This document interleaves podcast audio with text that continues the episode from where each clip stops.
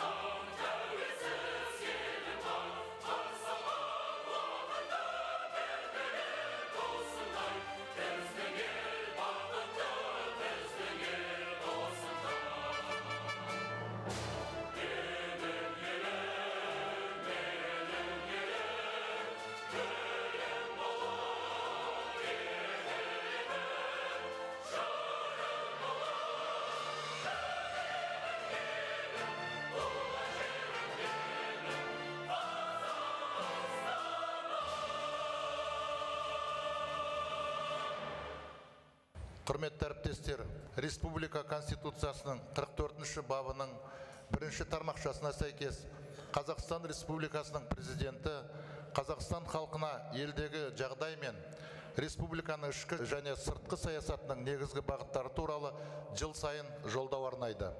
Сөз қазақстан республикасының президенті қасым жомарт кемелұлы тоқаевқа беріледі.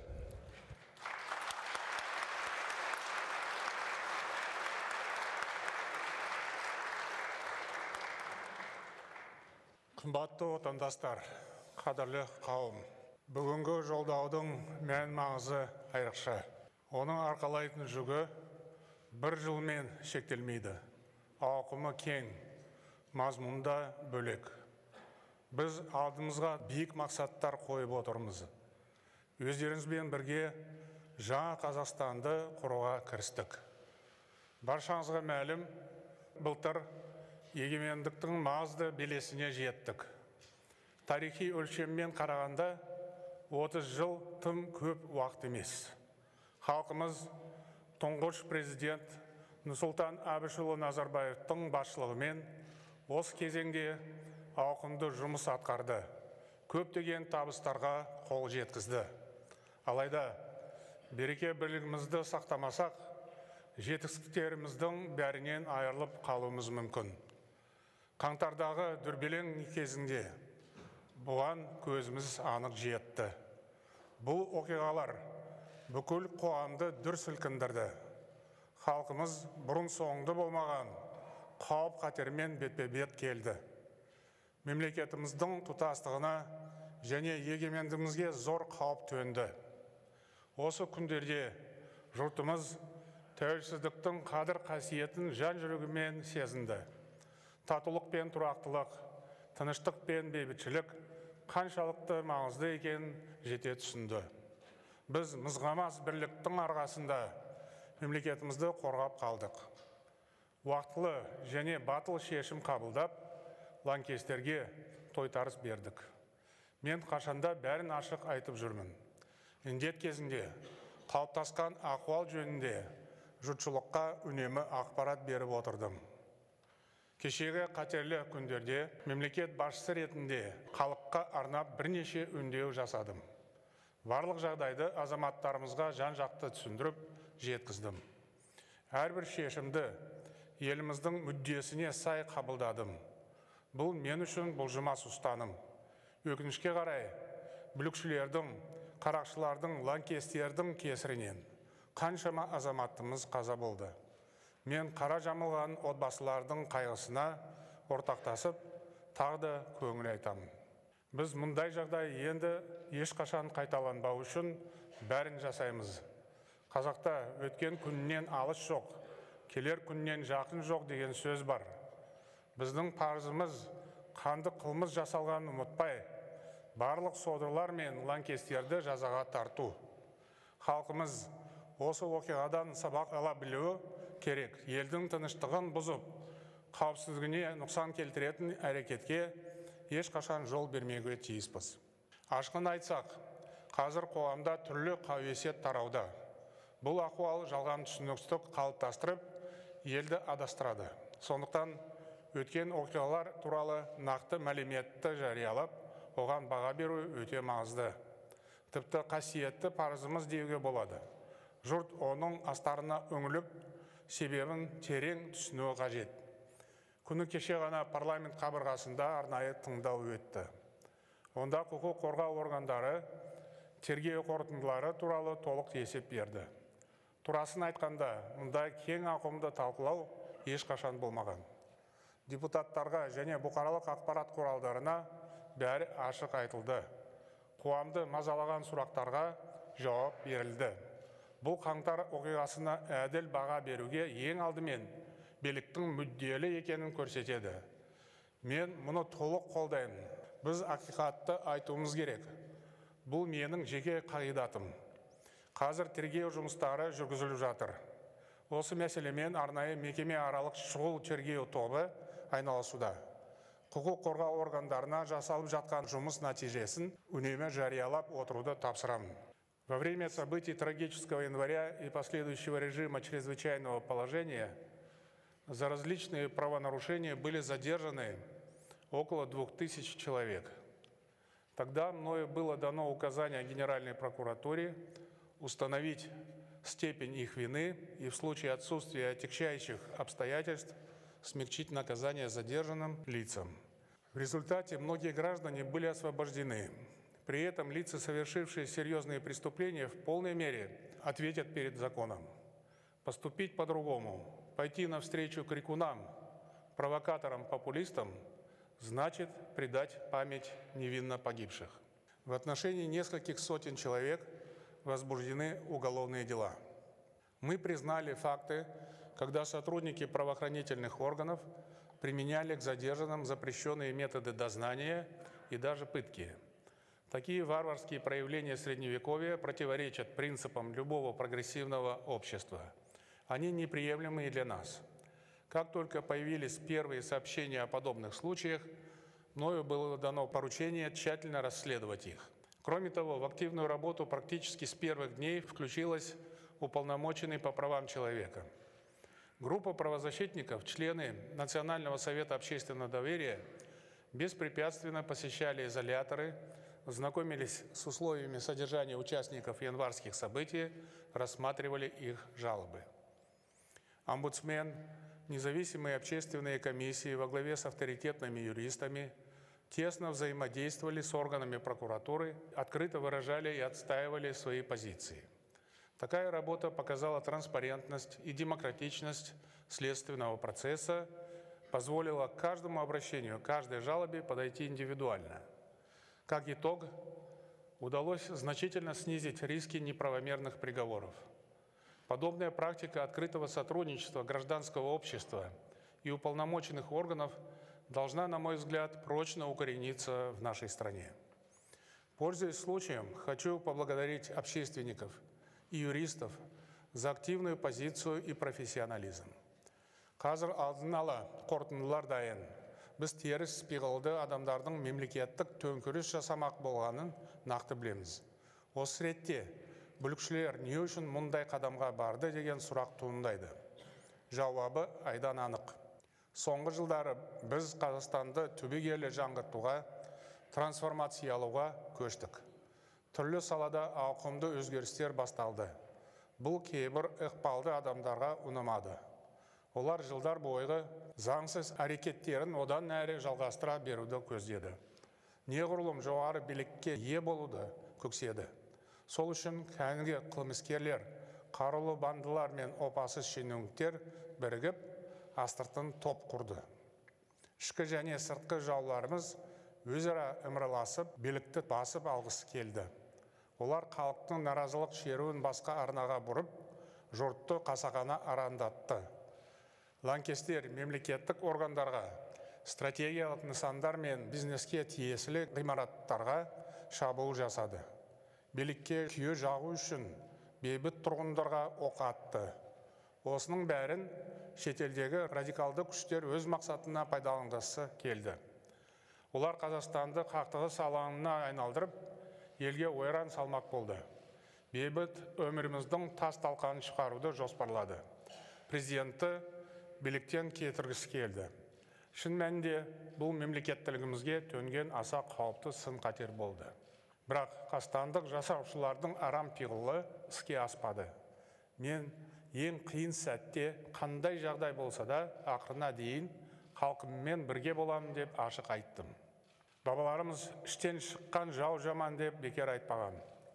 Төңкеріс жасауға ұмтылғандардың арасында белгілі адамдар болды. Жоғары лауазым иелері мемлекетке сатқындық жасады. Опасыздардың ішінде әскери және арнаулы органдардың басшылары да бар. Олар күштік құрылымдардың заңға сәйкес қимылдауына кедергі келтірді. Мемлекет басшылығына қалалардағы ахуал туралы жалған ақпарат берді.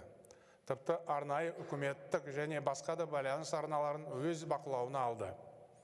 Бір сөзбен айтсақ олар елді ыдырату үшін ойларына келген барлық тәсілді қолданды.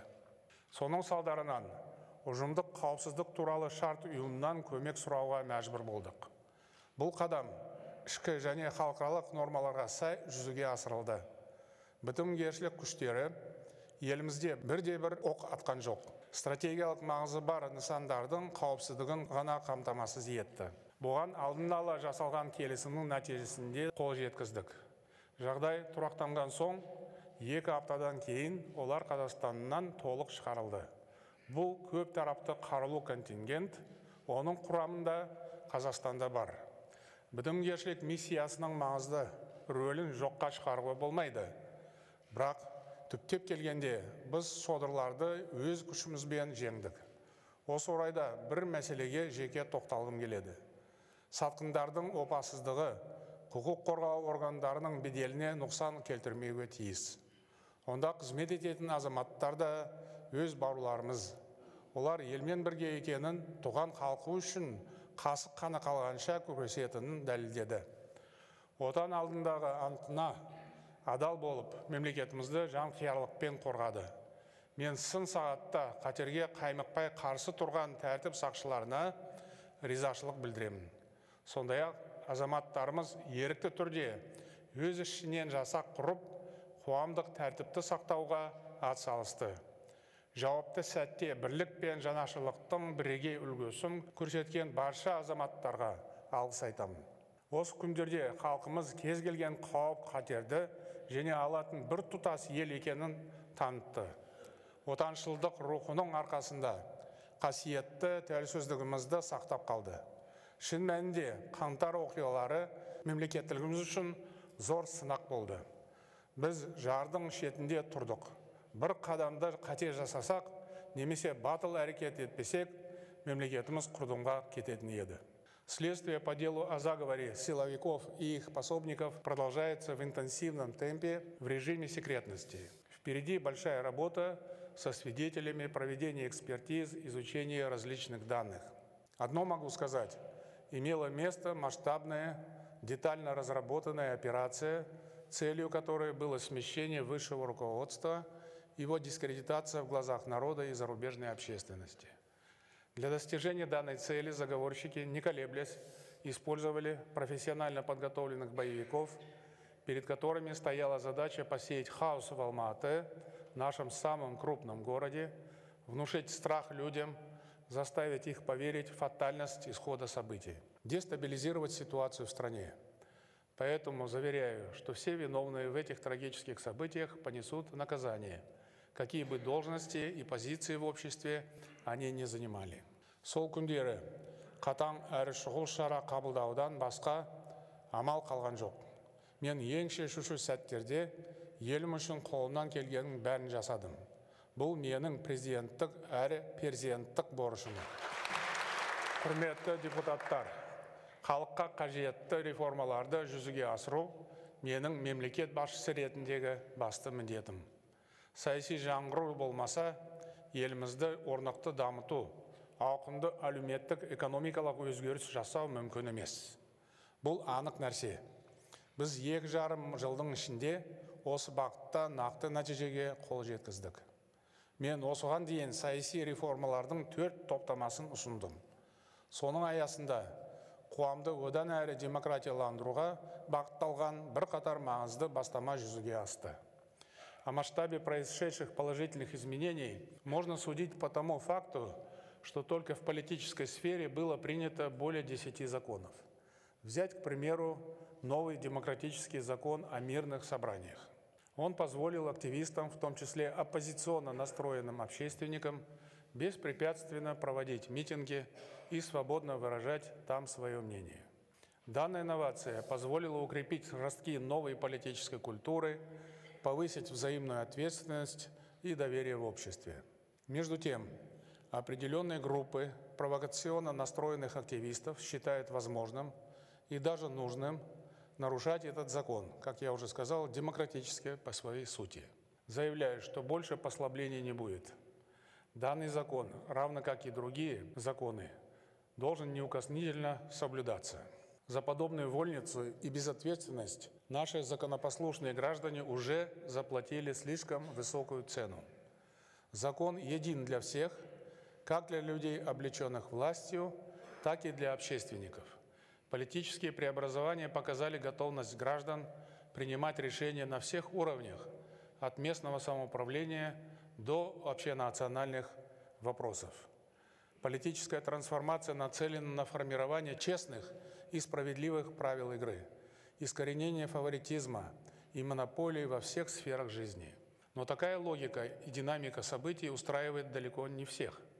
У тех, кто привык делать ставку на серые закулесные схемы, возникли панические опасения потерять свои привилегии и источники доходов.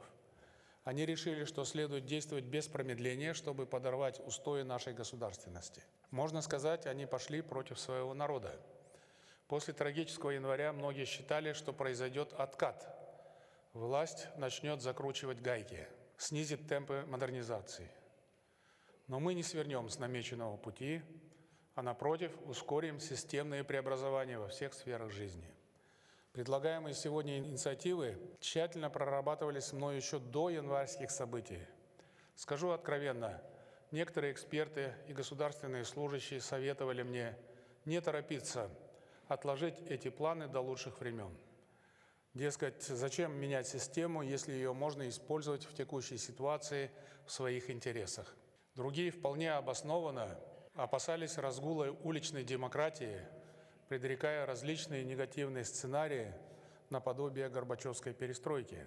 Тем более геополитическая обстановка крайне осложнилась. Но я твердо убежден, нашей стране все же нужны кардинальные реформы. В противном случае застой. Его разрушительные последствия мы видели из недавней советской истории. Да и январские события в некоторой степени стали следствием отечественного застоя В течение последних двух месяцев мною был очерчен круг первостепенных задач в социально-экономической сфере, обеспечения национальной и общественной безопасности. Мен бүгін еліміздің саяси жүйесін кешенді жаңғырту бағдарламасын ұсынғалы отырмын. Бұл құжат ең алдымен қоғамның қажеттілігіне және сұранысына негізделген. Парламент депутаттары, Конституциялық кеңес, орталық сайлау комиссиясы жоғарғы сот және беделді сарапшылардың ұсынымдары назарға алынды. Ұлттық қоғамдық сенім кеңесінде осы тақырып бойынша пікірталас өтті. Құжатты әзірлеу кезінде зерттеушілер мен қоғам қайраткерлерінің саяси партиялар мен үкіметтік емес ұйымдардың ұсыныстары да мұқият зерделенді. В целом предлагаемая реформа является отражением широкого спектра взглядов, существующих в нашем обществе. Они выступают логическим продолжением уже начатых преобразований и решают две насущные задачи.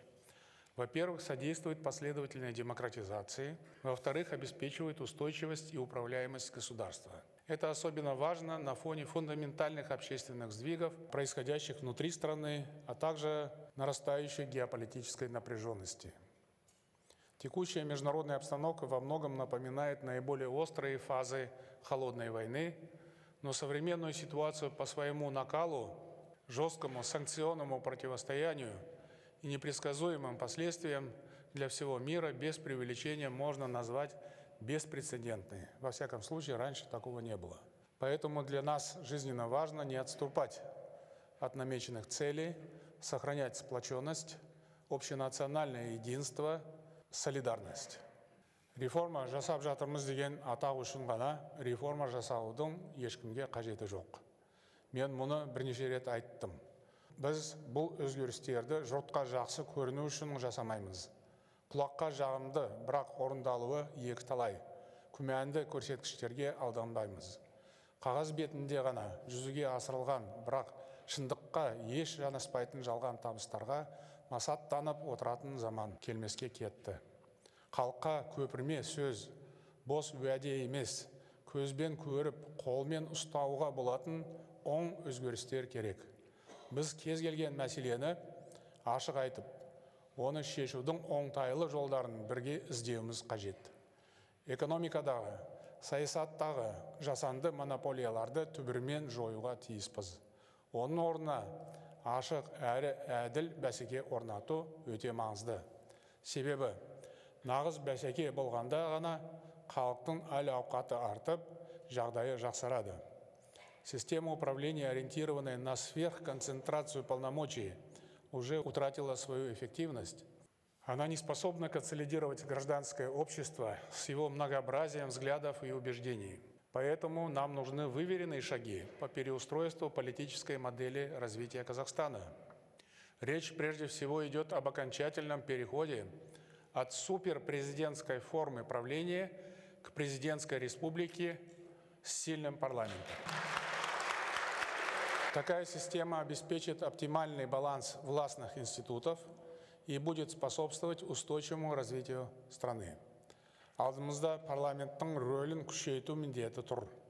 Бұл халық үніне құлақ асатын мемлекет тұжырымдамасын табысты жүзеге асыруға жол ашады. Біз болашақта қандай ел болатынымызды нақты білеміз. Жаңа қазақстанды азаматтық қоғамы қалыптасқан тиімді мемлекетке айналдырамыз. Осыған орай күшті президент ықпалды парламент есеп беретін үкімет қағидатын басшылыққа аламыз.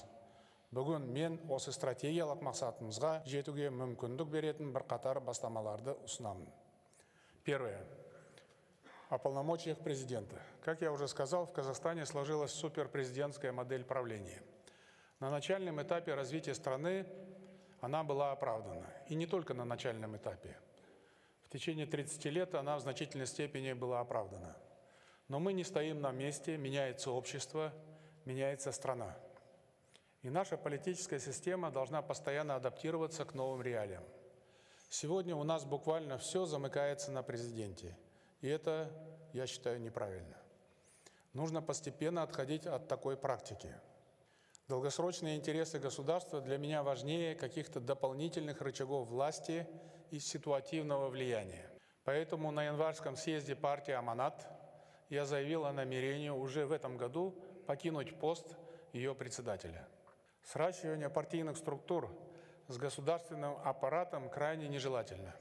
Монополия в политике неизбежно приводит к различным социальным болезням и деградации государства.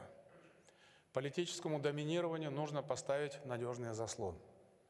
Предлагаю законодательно оформить обязанность президента прекратить членство в партии на период своих полномочий. Данная норма повысит политическую конкуренцию, обеспечит равные условия для развития всех партий. Тем самым мы избавим будущих лидеров страны от соблазна подмять под себя основные политические институты. Исходя из этой же логики, следует ввести в наше законодательство положение об обязательном выходе из партии председателей и членов Центральной избирательной комиссии, счетного комитета и Конституционного совета. Вместе с тем мы видим, что сверхконцентрация полномочий в центре проецируется и на региональный уровень. Поэтому нужно законодательно запретить акимам и их заместителям занимать должности в филиалах партии. Такие решения позволят сформировать многополюсную партийную систему. Сегодня для всего общества стало очевидно, что именно монополизация политической и экономической деятельности сыграла едва ли не самую главную роль в происшедших январских событиях. Но важный урок трагического января состоит в том, что концентрация полномочий в руках высшего должностного лица в государстве неоправданно усиливает влияние приближенных к нему лиц и финансово-олигархических групп. И они воспринимают государство как личную вотчину. Непотизм, в какой бы стране он ни был, неизбежно приводит к отрицательной кадровой селекции, становится благодатной почвой для расцвета коррупции. Глава государства должен выступать незыблемым гарантом равенства возможностей для всех граждан. Поэтому для ближайших родственников президента будет введен законодательный запрет на занятие должностей политических государственных служащих и руководителей в квазигосударственном секторе. Считаю, будет вовсе не лишним закрепить данную норму в Конституции.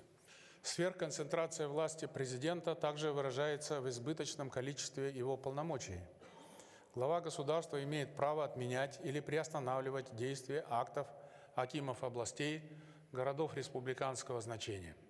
Эта норма способствует укоренению излишней практики ручного управления и снижает самостоятельность местных и исполнительных органов.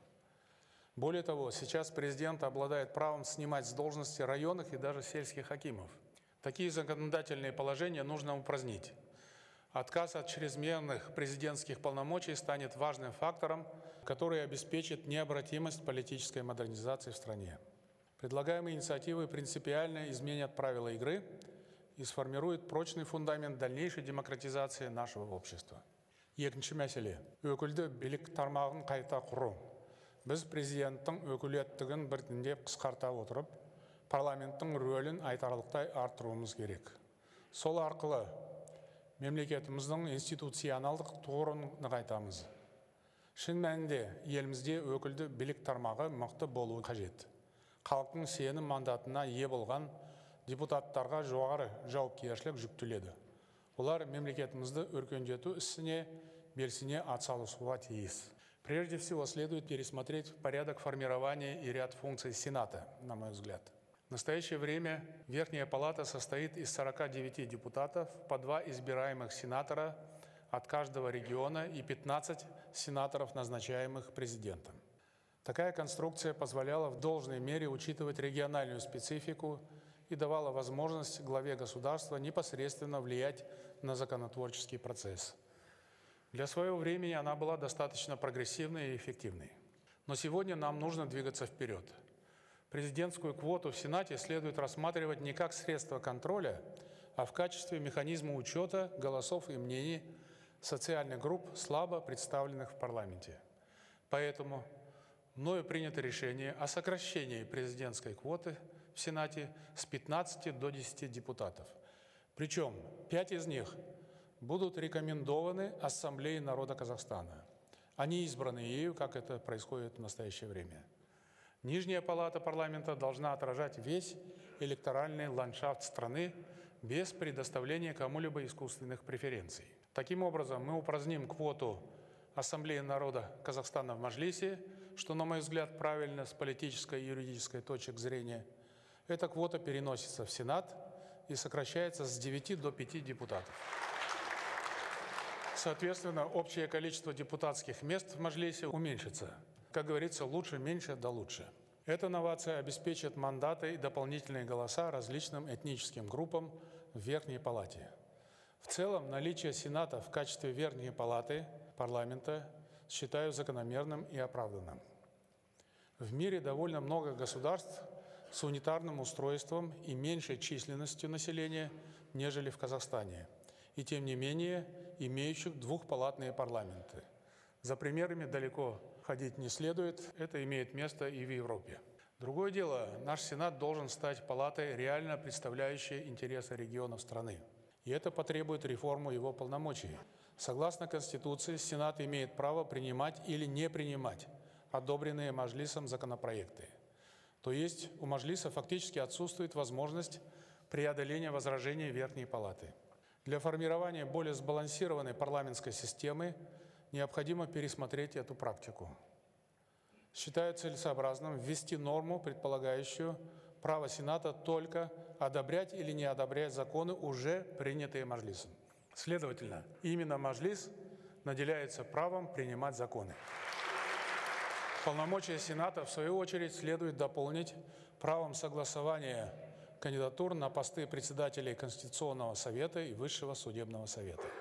Это новшество серьезно укрепит механизмы сдержек и противовесов в политической системе и заметно упростит законотворческую процедуру. сонымен қатар төменгі палатаның құзыретін кеңейту қажет елімізде көптеген ауқымды жобалар бағдарламалар бар бірақ түрлі себептерге байланысты оларды жүзеге асыру барысы көңіл көншітпейді сондықтан парламент республикалық бюджеттің сапалы орындалуына бақылауды күшейтуі қажет.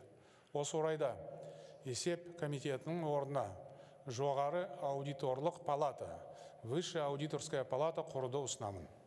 Оның төрағасы мәжіліс депутаттары алдында жылына екі рет есеп беруге тиіс. Осылайша мәжілістің мәртебесі арта түседі. Азаматтардың өкілді билікке деген сенімін нығайту үшін мәслихаттарға баса мән берген жөн. Мықты мәслихаттар өзекті мәселелердің шешімін табуға және аймақтардағы тұрмыс сапасын жақсартуға әсер ете алады. Олардың рөлін арттырып дербестігін қамтамасыз ету үшін мәслихат төрағасы лауазым енгізген жөн. Сондай ақ мәслихаттардың ықпалын барынша күшейту үшін облыс әкімдерін тағайындау тәртібін өзгерту қажет деп санаймын қазір мәслихат депутаттары мемлекет басшысы ұсынатын бір ғана кандидатураға келісім береді немесе келісім бермейді нужно внести соответствующие поправки в законодательство регламентирующие право президента вносить на альтернативной основе не менее двух кандидатур на должности акимов областей и городов республиканского значения. Таким образом, президент будет назначать акимов областей и городов республиканского значения с учетом результатов рассмотрения, а возможно и выборов в маслихатах. По сути, речь идет о косвенных выборах руководителей регионов. В то же время за главой государства сохраняется право освобождения от должностей руководителей регионов без консультации с маслихатами.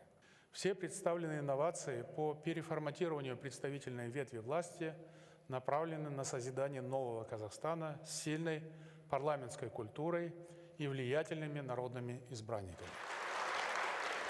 Үшінші мәселе. Сайлау жүйесін жетілдіру. Саяси жаңғырудың басты мақсаты азаматтардың мемлекетті басқару ісіндегі рөлін арттыру. Бұл жұмысты сайлау үдерісі арқылы да жүзеге асырамыз. Біз осыдан 15 жыл бұрын конституциялық реформа аясында мәжіліс депутаттарын пропорционалды тәсілмен сайлауға көштік. Ал 2018 жылдан бастап мәслихат депутаттарын да осы үлгімен сайлатын болдық. Бұл қадамдар еліміздегі партиялық жүйені дамытуға тың серпін берді. Алайда оның жағымсыз тұстары да байқалды. Партияда жоқ азаматтар мәжіліске ғана емес жергілікті өкілді органдарға да сайлана алмайтын болды. Мұны ашық мойындауымыз керек. Соның салдарынан халықтың сайлау науқанына қызығушылығы күрт төмендеді. Сайлауды керек қылмайтын адамдардың қатары көбейді. Олар өздерінің дауысы маңызды екеніне ел өмірін жақсартуға ықпал ете алатынына сенбейтін болды. Ашығын айтсақ қазір жұрт депутаттарды аса тани бермейді.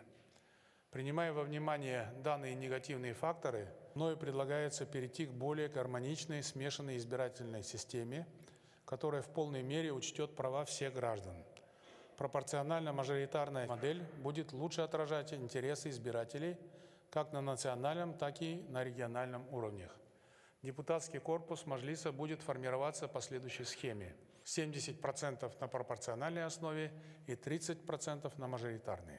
Кроме того, смешанная модель будет внедрена на выборах маслихатов областей и городов республиканского значения.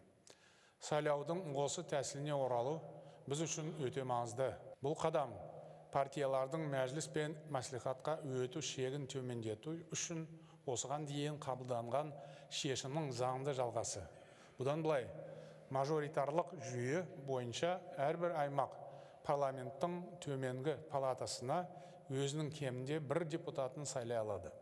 Жаңа үлгі көзқарасы әртүрлі азаматтардың мәжіліске келуіне мүмкіндік береді. Сондай ақ аудандар мен қалалардағы сайлауды толығымен мажоритарлық жүйеге көшіруді ұсынамын. Бұл жүйе жергілікті жерде бәсекелі саяси орта қалыптастырады. Оған қоса елдің алдында беделі бар жаңа тұлғалардың саясатқа келуіне жол ашады. Императивті мандатқа көшуде депутаттардың сайлаушылармен өзара байланысын нығайта түседі. Бір сөзбен айтқанда енді сайлау алдында берген уәдесін орындамаған депутатты кері қайтаруға болады. Бұл халық қалаулыларына ықпал етудің тағы бір жолы. Осы ұстаным демократия дәстүрлерін едәуір нығайтады. Өзара жауапкершілік пен сенімге негізделген жаңа саяси мәдениетті қалыптастырады. Пропорционалды және мажоритарлы жүйе қатар қолданылса саяси партиялардың рөлі сақталады. Олар еліміздегі азаматтық қоғамның басты институттарының бірі ретінде қала береді. Сонымен бірге бұл жүйе сайлауды әділ өткізуге және мемлекетті тиімді басқаруға мүмкіндік береді. Аралас сайлау үлгісі азаматтардың саяси белсенділігін арттырып елімізді жаңғырту үдерісіне жұмылдыра түседі деп сенемін. Четвертое расширение возможностей для развития партийной системы Курс на построение нового Казахстана исходит из необходимости обеспечения честной и свободной политической конкуренции. Для этого мы должны создать максимально благоприятную среду для институционального и организационного развития партии. Процедуры регистрации партии будут значительно упрощены. Регистрационный порог следует снизить в 4 раза, с 20 до 5 тысяч человек. Минимальная численность региональных представительств уменьшится в три раза, с 600 до 200 человек. Почти на треть, с 1000 до 700 человек а сократится минимальная численность инициативной группы граждан для создания партии. В свою очередь, сроки проведения учредительного съезда и период формирования филиалов увеличатся – Либерализация в данном вопросе значительно активизирует процесс развития политического пространства в стране. Появятся новые партии, способные грамотно артикулировать и эффективно решать насущные проблемы своего электората. бесінші мәселе сайлау үдерісін жаңғырту халықаралық тәжірибеде сайлауды ұйымдастыру жүйесі ұдайы өзгеріп отыратыны белгілі яғни әділ және ашық сайлау өткізу үшін тиімді шешім іздеудің маңызы зор соңғы жылдарда бұл үдеріске ақпараттық және технологиялық факторлармен бірге коронавирус індеті де әсер етуде. Көптеген елдер дауыс берудің баламалы түрлерін пайдаланып жатыр. Яғни электронды мерзімнен бұрын қашықтан көп күндік. дауыс беру тәсілдері кеңінен қолданыла бастады. Сондықтан әлемдегі үздік тәжірибелерді зерттеп қажет болса оны біртіндеп енгізген жөн. В эпоху бурного развития коммуникационных технологий большое значение имеет активность кандидатов и партий в социальных сетях. Но действующее законодательство не регламентирует агитацию в социальных сетях. Несмотря на это, во время электоральных кампаний агитация так или иначе проводилась. И чтобы устранить это упущение, предлагаю нормативно разрешить агитацию в социальных сетях, закрепив соответствующие регламенты и правила. Необходимо также законодательно оформить деятельность наблюдателей – Этот институт выступает неотъемлемым элементом транспарентных выборов. Демократия тарихы дегеніміз ең алдымен сайлау рәсімдерін жетілдіру тарихы.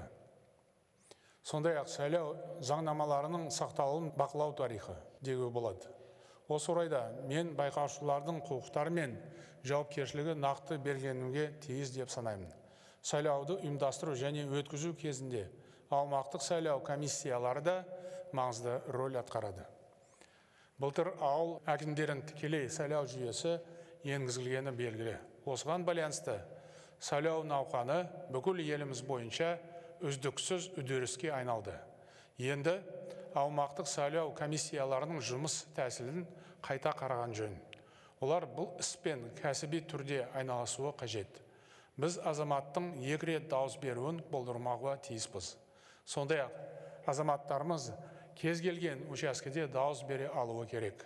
Сол үшін сайлаушылардың бірыңғай электронды базасын құру мүмкіндігін қарастыру қажет. А для этого, чтобы не допустить влияния отдельных лиц на ход выборов, требуется установить предельные размеры пожертвований в избирательные фонды.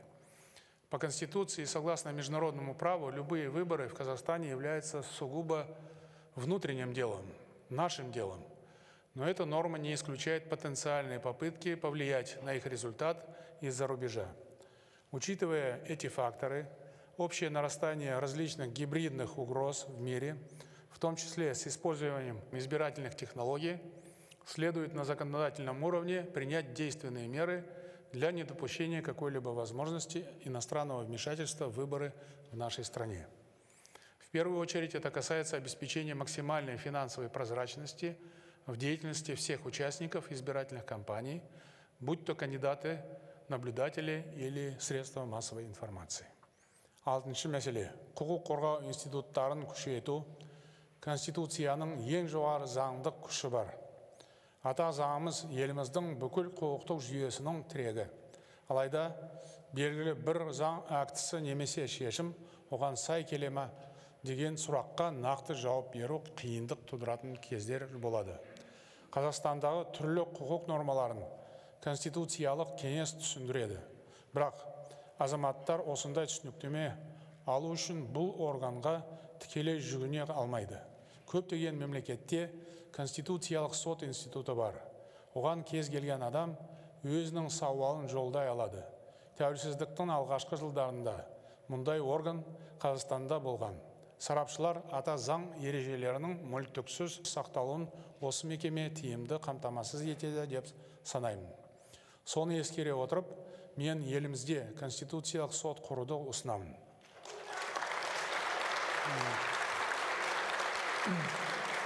Бас прокурор мен адам құқығы жөніндегі уәкілге де конституциялық сотқа жүгіну мүмкіндігін берген жөн. Бұл бастамалар әділ әрі құқықтық мемлекет құру жолындағы маңызды қадам болады деп сенемін сондай ақ институционалдық тұрғыдан тепе теңдікті сақтауға ықпал етеді оған қоса азаматтарымыздың конституциялық құқығының қорғалуын жақсарта түседі Вы знаете, что я уделяю особое внимание защите фундаментальных прав граждан. В 2020 году наша страна присоединилась ко второму факультативному протоколу о гражданских и политических правах, предусматривающему отмену смертной казни. В прошлом году мною был подписан указ о дальнейших мерах в области прав человека, направленный на долгосрочное и комплексное развитие этой сферы. При участии Национального совета общественного доверия был реализован и ряд других прогрессивных инициатив. Однако правозащитная проблематика требует постоянного совершенствования. Полагаю, что для окончательного закрепления решения об отмене смертной казни нужно ввести соответствующие изменения в Конституцию. Важно внедрить системный подход в расследовании преступлений, связанных с пытками. На сегодняшний день конкретный орган, ответственный за это направление, отсутствует. Подобная практика чревата определенными рисками. Поэтому предлагаю закрепить эти функции за Генеральной прокуратурой. Такой подход позволит обеспечить объективность и беспристрастность следствия, утвердит неотвратимость наказания за произвол в правоохранительной сфере. Кроме того, следует принять системные меры для снижения уровня насилия в обществе. В этом плане большую роль играет эффективное противодействие правонарушениям в сфере семейно-бытовых отношений. Сегодня участились обращения граждан и общественников по поводу необходимости ужесточения наказания за насилие в отношении женщин и детей. Ранее мною давалось указание определиться с целесообразностью э, криминализации подобных правонарушений. Поручаю Генеральной прокуратуре всесторонне изучить данный вопрос и решить эту проблему. Мен прокуратура және адам құқығы жөніндегі уәкіл туралы конституциялық заңдар қабылдау қажет деп санаймын. Бұл құжаттар заң тәртібін күшейту және құқық қорғау қызметін ұдайы жетілдіру үшін қажет. Барлық деңгейдегі соттар шын мәнінде тәуелсіз ашық және кәсіби болмаса, заң үстемдігін қамтамасыз ету мүмкін емес. Мемлекет осыған орай ауқымды жұмыс жүргізуде. Кадр іріктеудің жаңа жүйесі енгізіліп, сот үдерісі мен рәсімдерінің ашықтығы біртіндеп арта түсуде. Бұл ретте жоғары сот кеңесі маңызды рөл атқарады. Осы құрылым президенттің соттарды жасақтау жөніндегі конституциялық өкілеттігін қамтамасыз етеді. Сондай ақ судьялардың тәуелсіздігіне және оларға ешкімнің қол сұқпауына кепілдік береді. Кеңестің қызметі қоғам үшін толық ашық болуы өте маңызды. Бұған жоғары сот кеңесінің конкурстық рәсімдерінен онлайн трансляция жасау арқылы қол жеткізуге болады. Сонымен қатар мұндай конкурстардың қорытындыларын нақты дәлелмен түсіндіріп, жариялап отырған жөн. Расширить гражданское участие в отправлении правосудия позволяет суды присяжных. В Казахстане присяжные заседатели могут выносить вердикт только по особо тяжким преступлениям. Но я считаю, мы должны пойти дальше и расширить категорию дел, подлежащих рассмотрению судами присяжных. Эта новелла будет способствовать демократизации судебной системы, повышению доверия к ней со стороны общества. жетінші мәселе бұқаралық ақпарат құралдарының бәсекеге қабілетін арттыру және азаматтық қоғам институттарының рөлін нығайту. Бұқаралық ақпарат құралдары бәсекеге қабілетті және еркін болуы керек. Бұл қағидат қазір кез келген өркениетті ел үшін айрықша маңызды. Отандық ақпарат құралдарының қазақстанда өңірде және әлемде болып жатқан үдерістер туралы өз көзқарасы болуға тиіс. Еліміздің ақпараттық қауіпсіздігі тіпті идеологиялық дербестігі осыған тікелей байланысты государство особое внимание уделит созданию открытого информационного пространства востребованных и сильных медиа представляя собой эффективный канал коммуникации между властью и народом средства массовой информации могут и должны поднимать насущные проблемы но делать это нужно с большой гражданской ответственностью работать не по заказам извне, способствуя поляризации нашего общества, и не за теневые гонорары, участвуя в скрытой борьбе политических кланов. Журналисты должны искренне переживать за свою страну и ее граждан. Недаром средства массовой информации называют четвертой властью. Именно поэтому вам следует распоряжаться своим влиянием на умы и сердца людей со всей осторожностью. Это я специально обращаюсь к нашей журналистской братье. Убежден, что дальнейшие демократические преобразования невозможно без независимых и ответственных средств массовой информации. Поэтому необходимо пересмотреть закон о средствах массовой информации с учетом интересов государства, запросов общества и тенденций развития медиасферы. Еще одним важным фактором устойчивого и всестороннего прогресса страны является деятельность общественных организаций. Неправительственный сектор неизменно поднимает важные социальные вопросы, содействует их комплексному решению. Стоящие сегодня перед Казахстаном задачи требуют усиленного взаимодействия государства и неправительственных организаций, системной перезагрузки институтов гражданского общества. Необходимо более широкое и глубокое вовлечение общественных организаций и активистов в подготовку и реализацию реформ. Для этого прежде всего нужно обеспечить открытое обсуждение всех национальных проектов и стратегических документов. Бұл мәселе бойынша жасанды пікірталас өткізіп, көз бояушылық жасауға болмайды. Біз елімізде азаматтық белсенділікті жандандыруымыз керек. Мемлекет пен қоғамның саналы әрі сындарлы серіктестігіне жол ашуымыз қажет сол себепті орталық және жергілікті органдардың квазимемлекеттік сектордың жанындағы қоғамдық кеңестерді дамытып жатырмыз мен бірнеше рет олардың қызметіне қатысты сын айтқан болатын. Дегенмен бұл кеңестердің орасан зор институционалдық әлеуеті бар. Соны толығымен жүзеге асыру керек. Биыл менің бастамам бойынша осы кеңестердің құрамы және жұмыс жоспары түбегейлі жаңаратын болады. Кеңесіп пішкен тон келте болмас деген нақыл сөз бар. Бабаларымыз ел тағдырын айқындайтын тарихи шешімдерді бүкіл халық болып ақылдасып бірге қабылдаған. Ұлытауда ордабасы мен күлтөбеде өткен ұлы басқосулар соның айқын дәлелі. Келелі жиында айтылған кесімді сөзге алты алаштың баласы түгел тоқтаған. Біз бірліктің бастауы болған осы дала демократиясының дәстүрін жаңғыртуымыз керек. Ұлттық қоғамдық сенім кеңесі өз міндетін табысты атқарды. Енді оның орнына құрамы жағынан ауқымды ұлттық құрылтай құруды ұсынамын. Жаңа құрылым ұлттық кеңестің қызметін жалпы халық деңгейде жалғастырады. Құрылтай қоғамдық диалогтың біртұтас институционалдық моделін қалыптастыруға тиіс. Сөйтіп билік пен халықтың арасындағы дәнекерге айналатын болады. Қазіргі қоғамдық кеңестердің бәрін өз айналасына топтастырады. Ұлттық құрылтайдың құрамында еліміздегі барлық аймақтың өкілдері болады. Сондай ақ оған парламенттің бірқатар депутаты қазақстан халқы ассамблеясы мен азаматтық альянстың қоғамдық кеңестер мен ұйымдардың мүшелері беделді қоғам қайраткерлері өндіріс және ауыл шаруашылығы жұмысшылары бизнес өкілдері және тағы басқа азаматтар кіреді. Осылайша сан түрлі қоғамдық пікір иелерін түгел қамтитын өкілді құрылым қалыптасады. Ұлттық құрылтай мүшелері маңызды мәселелерді талқылау үшін тұрақты түрде бас қосып отырады. Сегізінші мәселе. Еліміздің әкімшілік аумақтық құрылымын жетілдіру. Сайлау жүйесіне парламентті жасақтау тәртібіне өзгеріс енгізген кезде елдің әкімшілік аумақтық құрылымын ескеру керек. Тәуелсіздіктің алғашқы жылдарында бірнеше облыс біріктірілді.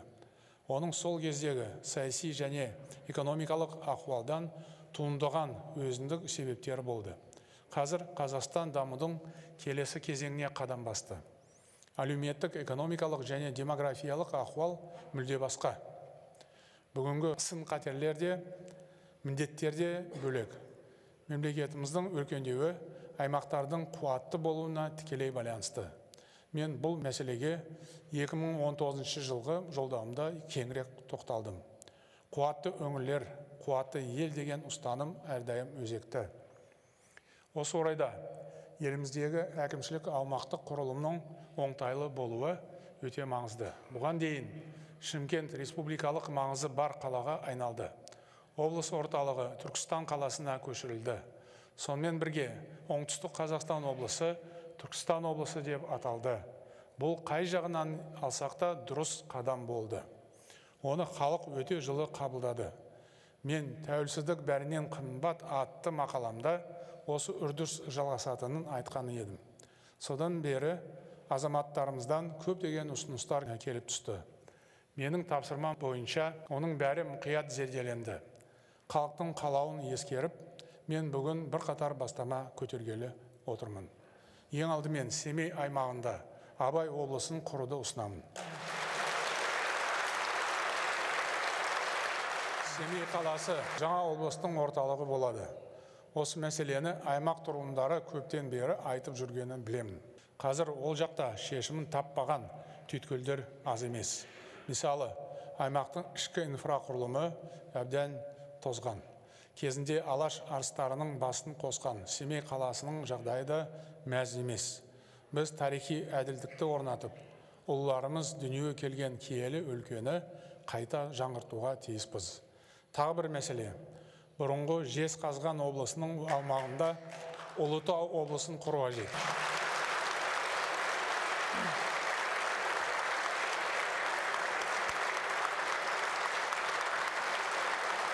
Жезқазған қаласы қайтадан облыс орталығы болады. Бұл аймақта дербес облыс құру экономикалық ғана емес рухани жағынан да маңызды шешім. Кең байтақ қазақ жерінің дәл жүрегінде орналасқан ұлытаудың төл тарихымыздағы орны ерекше. Ел тағдыры шешілген ұлы жиындар осында өткен. Сарыарқаның төрінде орналасқан бұл аймақтың туристік әлеуеті өте зор. Оның өндірістік қуатын логистикалық мүмкіндігін ұтымды пайдалану керек. Бір сөзбен айтқанда біз ұлытау аймағының дамуына жол ашамыз. Үшінші мәселе. Алматы агломерацияна қатысты түйткілдер көп. Облыс тұрғындары негізінен қала төңірегіне шоғырланған. Ұзын ағаштағы немесе талғардағы мәселені сонау талдықорғанда отырып шешу оңай емес. Облыс орталығына бару үшін халықтың алысқа сабылуына тура келеді. Осы және басқа да жайттарды ескере отырып алматы облысын екіге бөлуді ұсынамын. Бұл өңірде жетісу және алматы облыстары құрылады.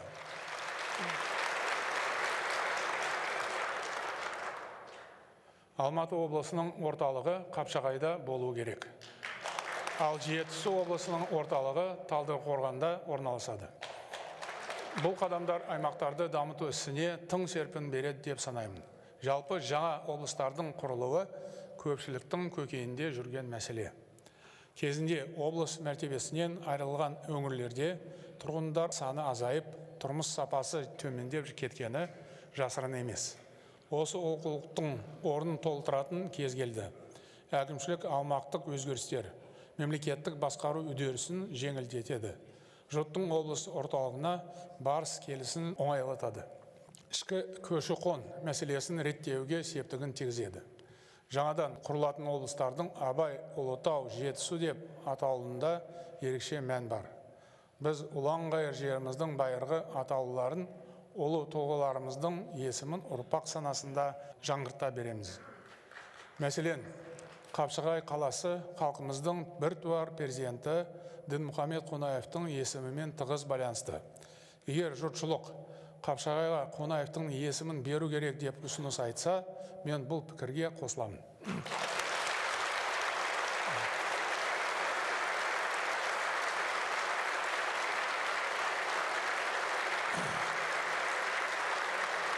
Мен мұның бәрін азаматтардың ұсыныс пікірлеріне сүйеніп айтып отырмын.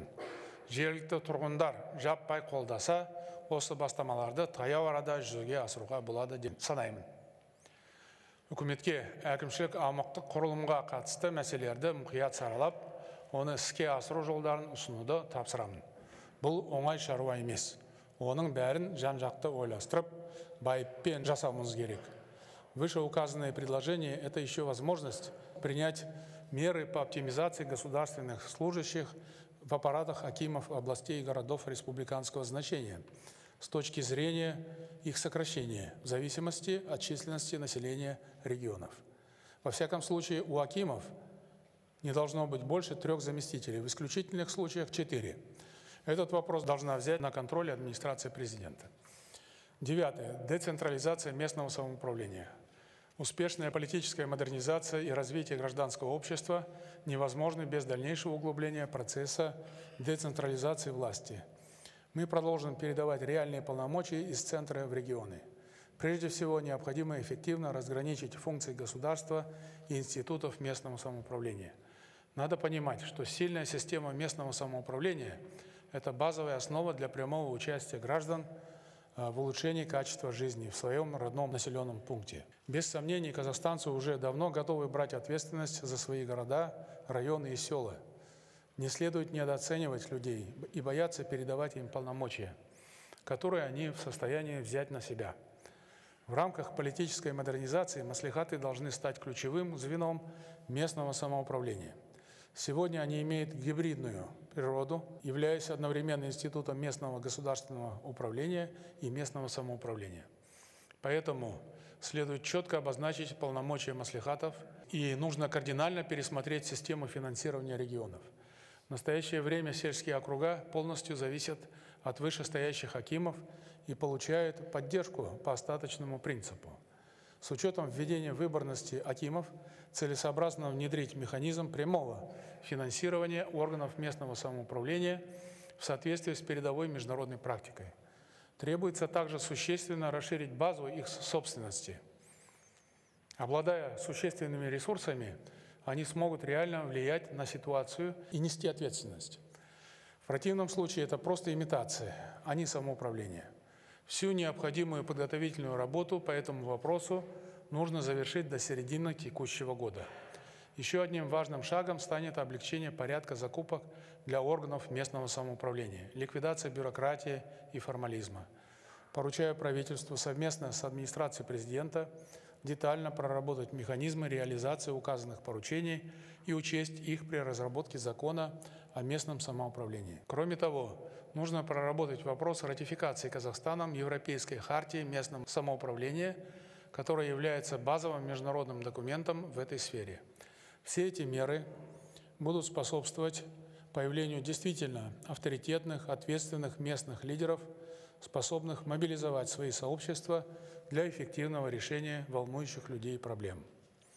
Реальное укрепление системы местного самоуправления откроет новые возможности для развития регионов, снижения иждивенческих настроений, глубинного укоренения демократических преобразований. Десятое о первоочередных антикризисных мерах. Казахстан столкнулся с беспрецедентными в нашей современной истории финансово-экономическими трудностями, связанными с резким обострением геополитической ситуации. Жесткое санкционное противостояние уже сегодня приводит к серьезным издержкам не только для отдельных стран, но и для всей глобальной экономики.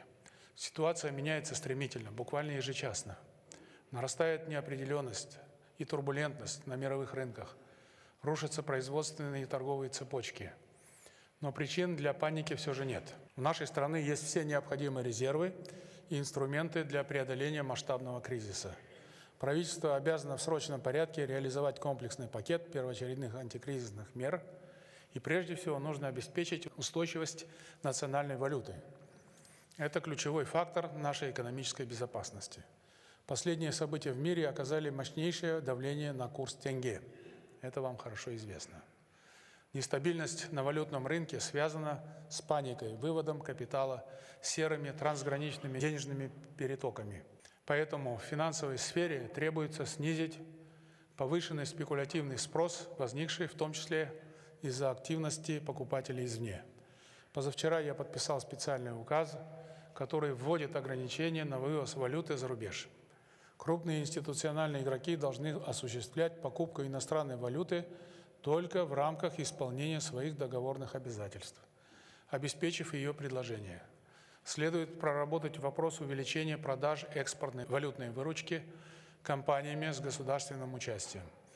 Жду, что частные недропользователи тоже обеспечат продажи своей валютной выручки. В рамках исполнения своих договорных обязательств – банки второго уровня должны осуществлять контроль и мониторинг приобретения валюты их клиентами. Следует установить жесткий контроль за соблюдением данного требования банками. Спекуляции на рынках ни в коем случае не должны стать причиной неоправданного сжигания наших резервов. Правительству, Национальному банку, Агентству по развитию и регулированию финансового рынка нужно принять решительные меры в этом направлении. В целом нужны неординарные решения. В сложившейся крайне нестабильной международной обстановке огромное значение приобретает обеспечение продовольственной безопасности страны. События в Украине привели к резкому скачку цен на продовольствие. Вполне вероятно, что они в скором времени могут побить все абсолютные рекорды. На этом фоне на первый план выходит качественное проведение посевной кампании. Однако многие фермеры насколько мне известно, еще не готовы к севу. Правительству и Акиматам требуется взять эту работу под особый контроль. Нужно обеспечить аграриев необходимым объемом горюче-смазочных материалов по приемлемым ценам. Следует перепроверить готовность сельскохозяйственной техники, запасы семян и удобрений. Нельзя забывать, что низкий уровень осадков в ряде регионов может негативно повлиять на урожайность и привести к нехватке кормов. И в целом нужно совместно с фермерским сообществом пересмотреть подходы к государственной поддержке агропромышленного комплекса. Для предотвращения дефицита и бесконтрольного подорожания продовольствия надо проработать вопрос закупа сельскохозяйственной продукции в государственные стабилизационные фонды по форвардным ценам. В стремительно меняющихся условиях государственный аппарат должен оперативно реагировать на ситуацию, действовать предельно слаженно. Неспешный стиль принятия решений, чиновничий формализм здесь уже недопустимы. Сейчас необходимо полностью мобилизоваться. Решения должны приниматься быстро, на основе реальных запросов бизнеса и граждан, максимум, я повторяю, максимум в течение трех дней, а желательно в течение суток. Созданный при правительстве оперативный штаб должен одновременно работать как ситуационный центр, который в режиме реального времени проводит анализ информации, а также разработку конкретных экстренных мер.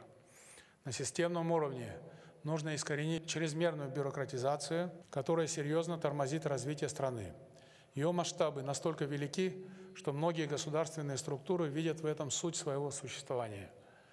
В ближайшее время мною будет подписан указ о дебюрократизации деятельности государственного аппарата. Он станет отправной точкой кардинального пересмотра внутренних процедур в государственных органах, оптимизации нормотворческого и бюджетного процесса. Кроме того, следует срочно приступить к разработке нового пакета структурных реформ – в экономике и государственном управлении с учетом стратегии политической модернизации. Фундамент нового Казахстана должен базироваться на гармоничном сочетании политических и экономических реформ. Это обеспечит поступательный прогресс нашей страны и повышение уровня жизни граждан. Құрметті отандастар, менің бүгінгі бастамаларым өте ауқымды. Бұл бастамалар еліміздің саяси жүйесі мен әкімшілік аумақтық құрылымын едәуір өзгертеді. Оны жүзеге асыру үшін конституцияның отыздан астам бабына өзгеріс енгізу қажет. Сондай ақ жылдың соңына дейін тағы жиырмадан астам заң қабылдау керек. Заң жобасын әзірлеп оны қабылдау едәуір уақыт алатын күрделі жұмыс. Сондықтан оған аса жауапкершілікпен қараған жөн. Сондай ақ ішкі сыртқы сын қатерлерді мұқият ескеруіміз керек. Біз тәуелсіздік жылдарында небір қиындықтан аман өттік. Сын қатердің бәрін еңсеріп осы күнге жеттік. Енді елімізді түбегейлі жаңғыртуға кірістік. Бұл кезең алмағайып уақытқа тұспа тұс келіп отыр.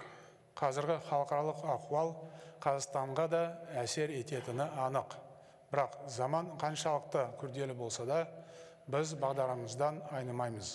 Өткеннен тағылым алып келешекке сеніммен қадам басамыз.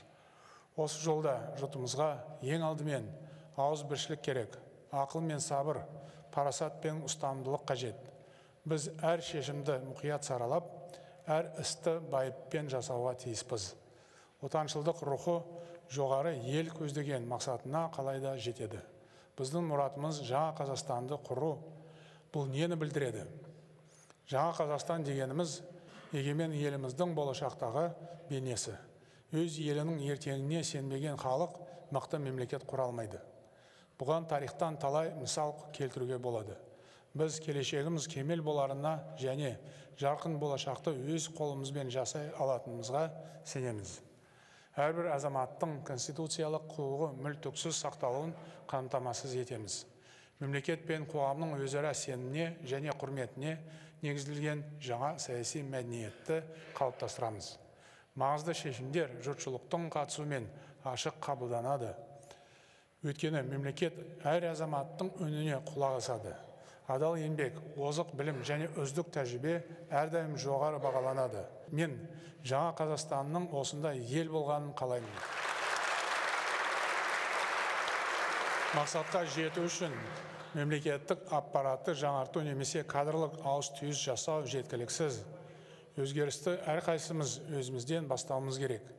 Әрбір адам және бүкіл қоғам жаңғыруы қажет. Құндылықтарымыз түбегейлі жаңаруға тиіс. Мұның бәрі оңай жұмыс емес. Біртіндеп қалыптасып жылдар бойы жалғасатын үдеріс. Бұл жұмыс бізден жоғары жауапкершілікті елімізге және бір бірімізге деген жанашырлықты талап етеді. Бізге ешкім сырттан келіп ештеңе жасап бермейтіні анық. Бәрі өз қолымызда. Сондықтан баршаңызды жаңа қазақстанды құруға бір кісідей жұмылға шақырамын. Халықтың қолдауымен мақсатымызға жетеміз деп сенемін. Сегодня на планете разразился разрушительный геополитический шторм. Поэтому нам нужно твердо придерживаться стратегического курса, нацеленного на защиту суверенитета и территориальной целостности государства, обеспечение коренных интересов нашего народа. Вот самая главная задача. Мы должны сберечь наше главное достояние – независимость, упрочив основы национальной идентичности, сосредоточиться на трансформации страны. Это наш священный долг перед будущими поколениями. Сейчас не время возводить политические баррикады, по каждому поводу устраивать митинги, настаивать на сомнительных решениях, выдвигать безапелляционные требования, кидаться на исполняющих свой долг полицейских. Все это дискредитирует наш народ в глазах мирового сообщества. События трагического января уже нанесли серьезный урон репутации нашей страны. Это надо признать. Хаотичные политические реформы могут привести к ослаблению государства, тяжелейшим последствиям для его суверенитета и целостности. Примеров этому немало в давней и недавней мировой истории, когда отдельные страны теряли огромную часть своей территории, впадали в пучину хаоса и анархии. Курс на построение нового Казахстана направлен на изменение парадигмы развития страны. Мы продумываем каждый шаг и твердо идем по намеченному пути. В новом Казахстане мы должны неизменно следовать принципу «разные взгляды, но единая нация». Высокая культура диалога и компромисса станет одним из главных факторов укрепления гражданской солидарности в нашей стране. Мы будем решительно противостоять невежеству и архаике, радикализму и иждивенчеству, культу потребления и коррупции – нам нужно преодолеть взаимное отчуждение и возродить в обществе веру в реальность перемен. Мы сделаем ставку на энергию, талант и трудолюбие людей. Создадим максимально благоприятные условия для самореализации каждого гражданина. Только так мы сможем умножить созидательный потенциал нашего народа. Только так мы сотворим собственную эпоху реформации – создав новую реальность во всех сферах жизни. Уверен, вместе мы преодолеем любые вызовы и сделаем наш Казахстан еще сильнее. сөзімнің соңында бір мәселеге ерекше тоқталғым келеді мен азаматтарымыздың ертең емес бүгін бақытты өмір сүргенін қалаймын ең бастысы еліміздің егемендігі шын мәнінде біз үшін қазақстанның тәуелсіздігі бәрінен қымбат. Осы тұрақсыз құбылмалы әлемде қазақстанымыз бізден басқа ешкімге керек емес. Сондықтан маған елімнің амандығы мен жерімнің тұтастығынан асқан ешбір құндылық жоқ. Мені ең алдымен халқымның болашағы қандай болатыны толғандырады. Қызметіме түрлі адамдардың беретін бағасынан гөрі мемлекетімізді қорғап қалу мен үшін аса маңызды осы жолда жауапкершіліктің бәрін мойныма алуға дайынмын. Бабалар аманатына адал болып оны ұрпаққа табыстау мен үшін киелі парыз. Жаңа қазақстан жаңару мен жаңғыру жолы бүгінгі буынның болашақ ұрпаққа аманаты. Ендеше жаңа қазақстанды бірге өркендетейік. Ағайын қастерлі отанымыздың тұғыры мығым абыройы биік бола берсін. Баршаңызға рахмет.